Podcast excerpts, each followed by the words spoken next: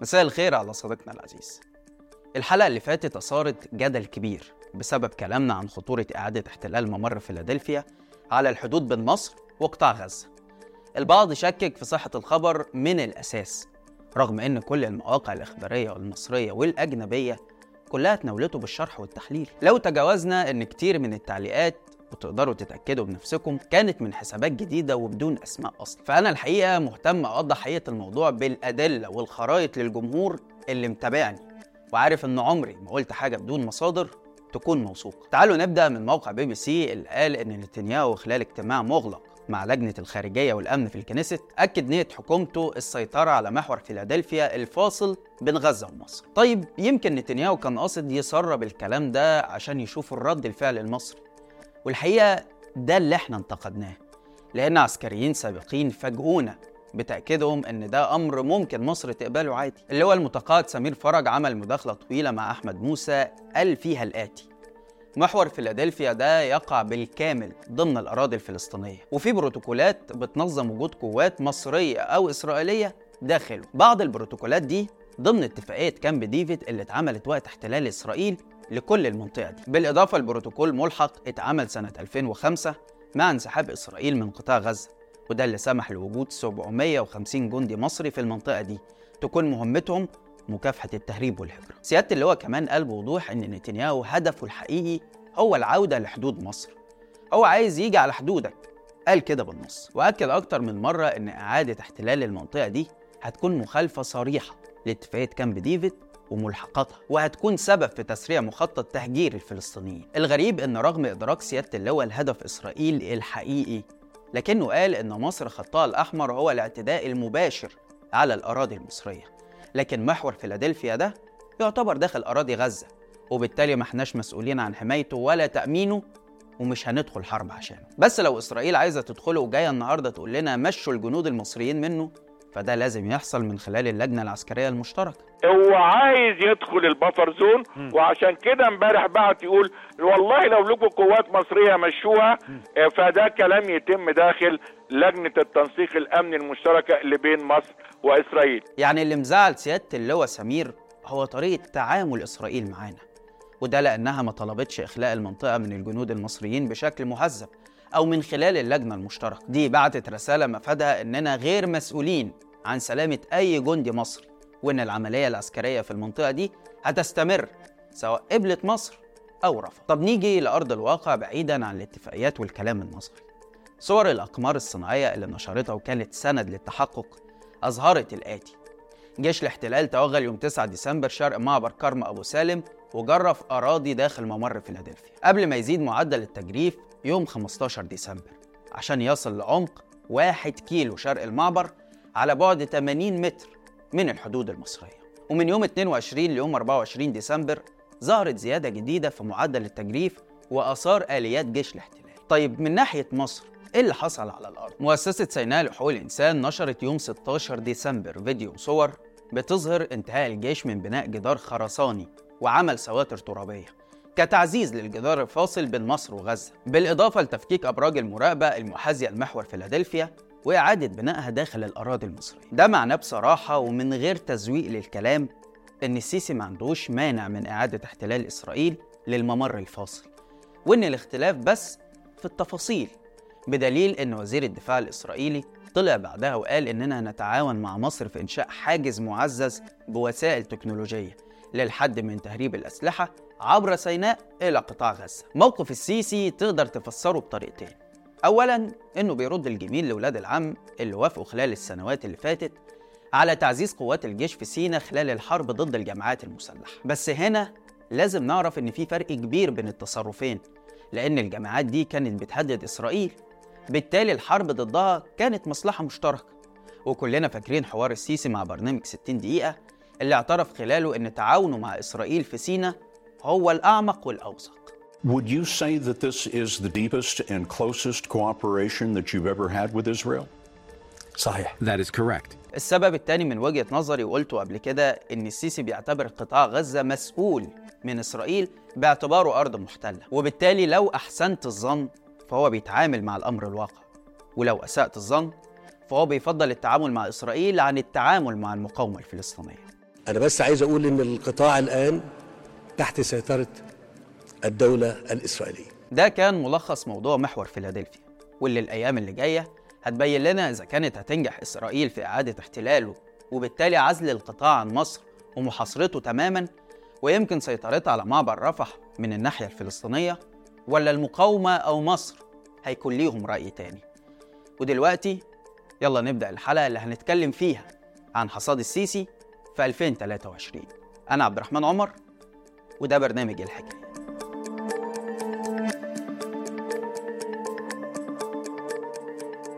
ده اللي إحنا عملناه وعندكم فرصة للتغيير في الانتخابات اللي جاية. ويا رب إذا كنت أنا أولى بها فوفقني ويسر لي. أهلا بيكم. في الدول الديمقراطية محاسبة الرؤساء والمسؤولين حدث تقليدي للغاية. مش بس بعد ما يسيبوا مناصبهم لأ. طول ما هم في السلطة في آليات كتير جدا سواء لتقييدهم أو سؤالهم عن سياساتهم اللي ما بيقدرش زعيم أو شخص مهما كانت قوته إنه ينفرد بوضعها أو تنفيذها. في أمريكا مثلا تقدر تشوف الصراع الدائم بين الرئيس والكونجرس واللي بيفرض على صاحب القرار إنه يعمل موائمات سياسية مع خصومه ويتراجع عن كتير من أفكاره الخاصة. ده غير تأثير الرأي العام وجماعات الضغط أو لوبيات المصالح. في بريطانيا برضو رئيس الوزراء بيكون مطالب إنه يقف في البرلمان ويتلقى أسئلة النواب وأحيانا هجومهم عليه وسخريتهم منه. وفي حالات كتير بيتعمل له جلسات مساءلة من لجان معينة بتناقشه في تفاصيل قراراته وبرامجه. وكل ده بيكون على الهوا قدام الشعب. رغم كده النموذج الديمقراطي ده مش أحسن حاجة وحرب غزة وقبلها أحداث تانية كتير كشفت لنا جزء كبير من عيوبه. بس محدش يقدر ينكر إنه أفضل على الأقل لناس وشعبه بكتير من نظم الحكم الديكتاتوريه لما السلطة كلها بتكون في إيد شخص واحد بس ومحدش من الشعب يقدر يحاسبه أو يسأله. وممكن يقعد في السلطة سنين طويلة من غير ما يقدم برنامج أو كشف حساب. 2023 في مصر كانت سنة مليانة بالأحداث.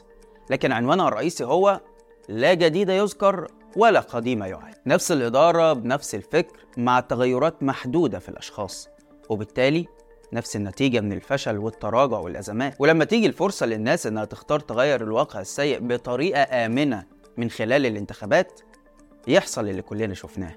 وتتقفل أبواب التغيير السلمي قدام المصريين ويكونوا مجبرين على التعايش مع السيسي ست سنين كمان على الأقل. تعال نسيب السياسة شوية ونبدأ بحصاد الاقتصاد اللي بيهم كل مواطن وبيأثر على حياتنا بشكل مباشر. وهتكلم بلغة الأرقام اللي لا تكذب ولا تتجمل. بدأنا السنة والدولار بيساوي أقل من 25 جنيه في البنك وحوالي 35 جنيه في السوق السوداء.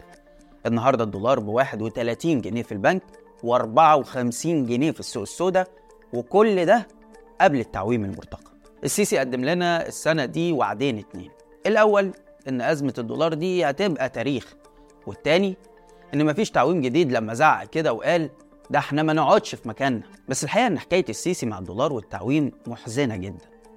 خلينا نفتكر إن في 2014 الدولار كان بحوالي 7 جنيه بس قبل ما يقفز بشكل متتالي وسريع جدا لأرقام لا كانت لا على البال ولا على الخاطر. وده بسبب اعتمادنا سياسة اقتصادية قايمة على الديون والمشاريع العملاقة.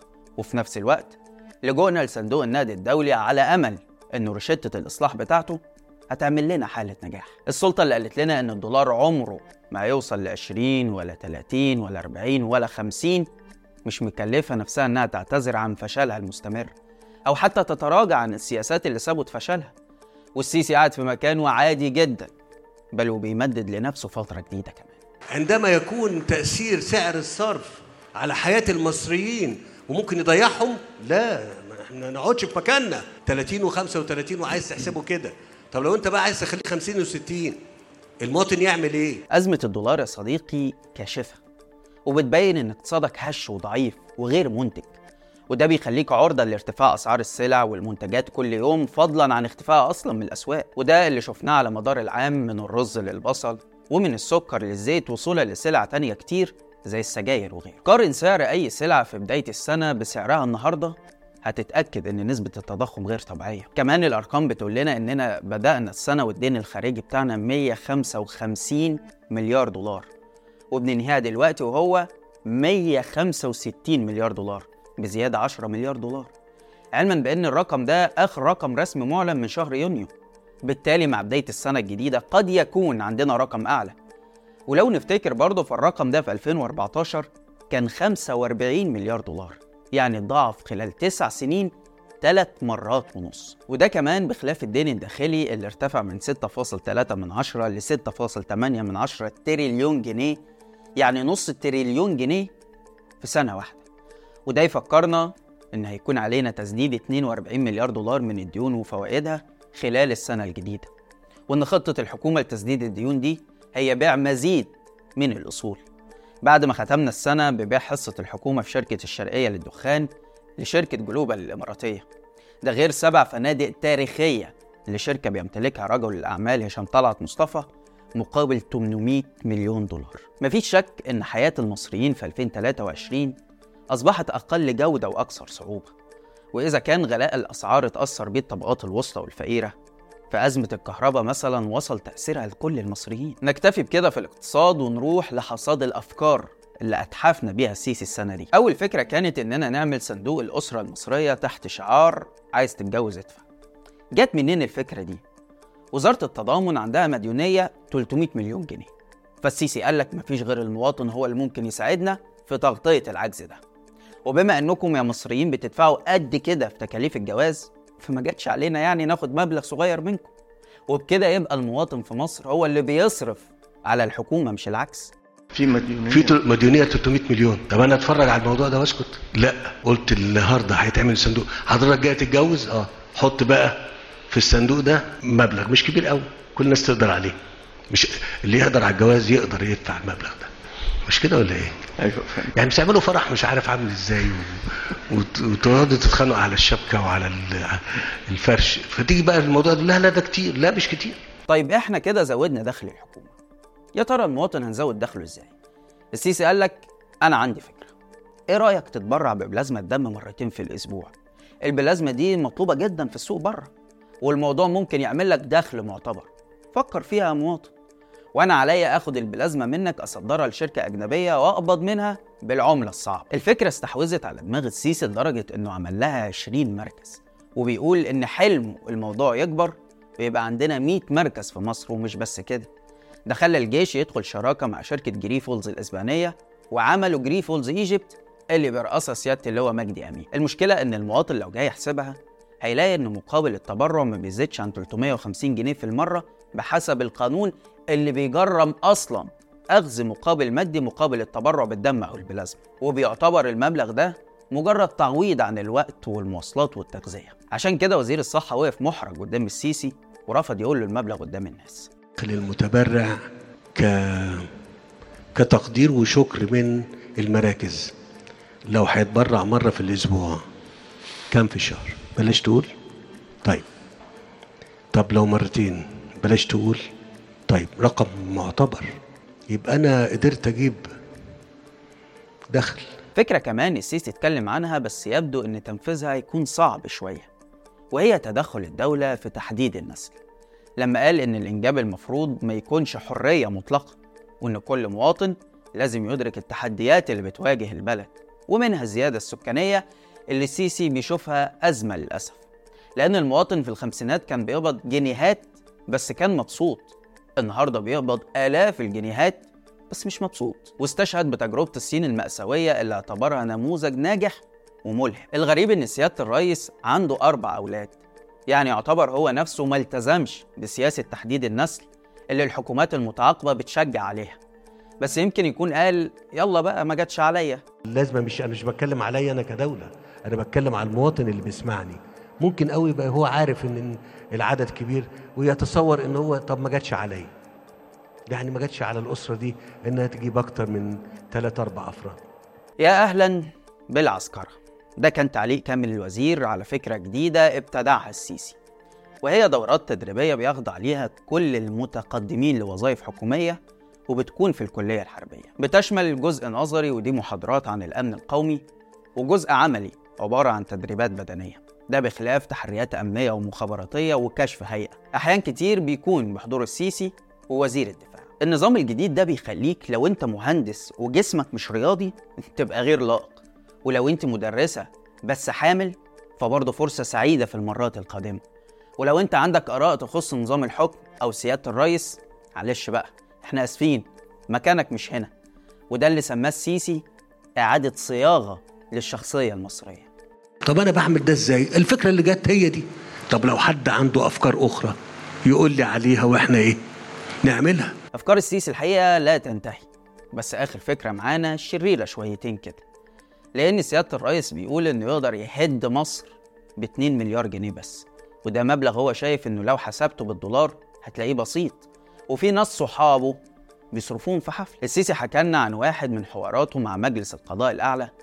لما كان بيشرح لهم نظريته في هدم مصر عن طريق إنه يدي 20 جنيه وشريط ترامادول وباكيتة بانجو ل ألف مواطن ظروفهم صعبة وينزلهم يعملوا حالة. وبعدين استدرك كده وقال 20 جنيه دي قليلة قوي. ده الدنيا غليت على إيديا. أنا هديله 1000 جنيه. وقعد يعمل عملية حسابية كده عشان يحسب تكلفة الموضوع. ومن حسن الحظ كان جنبه محافظ البنك المركزي فبص له كده اللي هو يعني ساعدني في الحسبة دي. فالمحافظ فعلا رد عليه وقال له يبقى كده مليار جنيه. راح السيسي قال طب لو اديت له 100 جنيه بس. يبقى كده أنزل مليون واحد لمدة 10 أسابيع والموضوع يقف معايا على مليار بس. أنا كنت بكلم السادة مجلس القضاء الأعلى الصبح. وقلت لهم تخيلوا إن أنا ممكن أهد مصر ب 2 مليار جنيه. فهم استغربوا قوي. قلت لهم أدي باكيته و20 جنيه وشريط ترامادول ل 100000 لو أنا مش هدي لهم بقى 20 الدنيا غليت. هدي له 1000 جنيه. هدي له كام يا دكتور؟ 1000 جنيه. ال 100000 يبقى بكام ب 100 مليون جنيه؟ أنزلهم كام أسبوع؟ اكمل 10 أسابيع؟ بكام؟ بمليار جنيه. طب لو اديتهم 100 جنيه بس أنزل مليون كل أسبوع لمدة 10 أسابيع بمليار جنيه. يعني 30 مليون دولار. في ناس بتصرفهم في حفلة. في النهاية ما ننساش إن 2023 شهد تسول المساعدات سواء من أشقاء في الخليج اللي أساءوا لمصر أو من دول أوروبا بخطاب الأمل واليأس والتهديد بالهجرة. ولا ننسى إنه عامل فشل الدبلوماسي بامتياز سواء في منع انزلاق السودان الشقيق لهوية الحرب الأهلية. وكلنا شايفين الفظائع اللي بترتكبها ميليشيا الدعم السريع بدعم خبيث من دولة الإمارات لفشل مفاوضات سد النهضة وأخيرا العجز والتواطؤ على غزة. وفي الداخل الاعتقالات ما وقفتش رغم تمثيلية الحوار الوطني والاختلاف في الرأي لا يفسد للوطن قضية لأن الموضوع من وجهة نظر السيسي إنقاذ وطن وربنا بس اللي هيحاسبه عليها. كمان شفنا اقتحام بلطجية مستقبل وطن لنقابة المهندسين واعتدائهم قدام مقرات الشهر العقاري على أنصار أحمد الطنطاوي اللي استبعد من مسرحية الانتخابات. اللي شارك فيها كومبارسات جدد أدوا دورهم كمحلل على أفضل ما يكون. وهي دي حكاية وطن قاده السيسي في 2023 يا ترى الحكاية في 2024 هتكون عاملة إزاي؟ نتمنى طبعا إنها تكون أفضل على كل المستويات سواء سياسيا أو اقتصاديا أو اجتماعيا. ونتمنى الزعيم الملهم يبطل يتحفنا بأفكاره. اكتبوا لنا في التعليقات شفتوا إزاي السنة اللي فاتت وأمنياتكم للسنة الجديدة. بس كده لحد هنا والحلقة خلصت. شارك الحلقة لو عجبتك وتابع حساب شباك وحسابي على الانستجرام هتلاقي اللينك في الوصف. واستنانا كل يوم اثنين وجمعة الساعة 7 مساء بتوقيت القاهرة في حلقة جديدة من برنامج إيه الحكاية؟ سلام.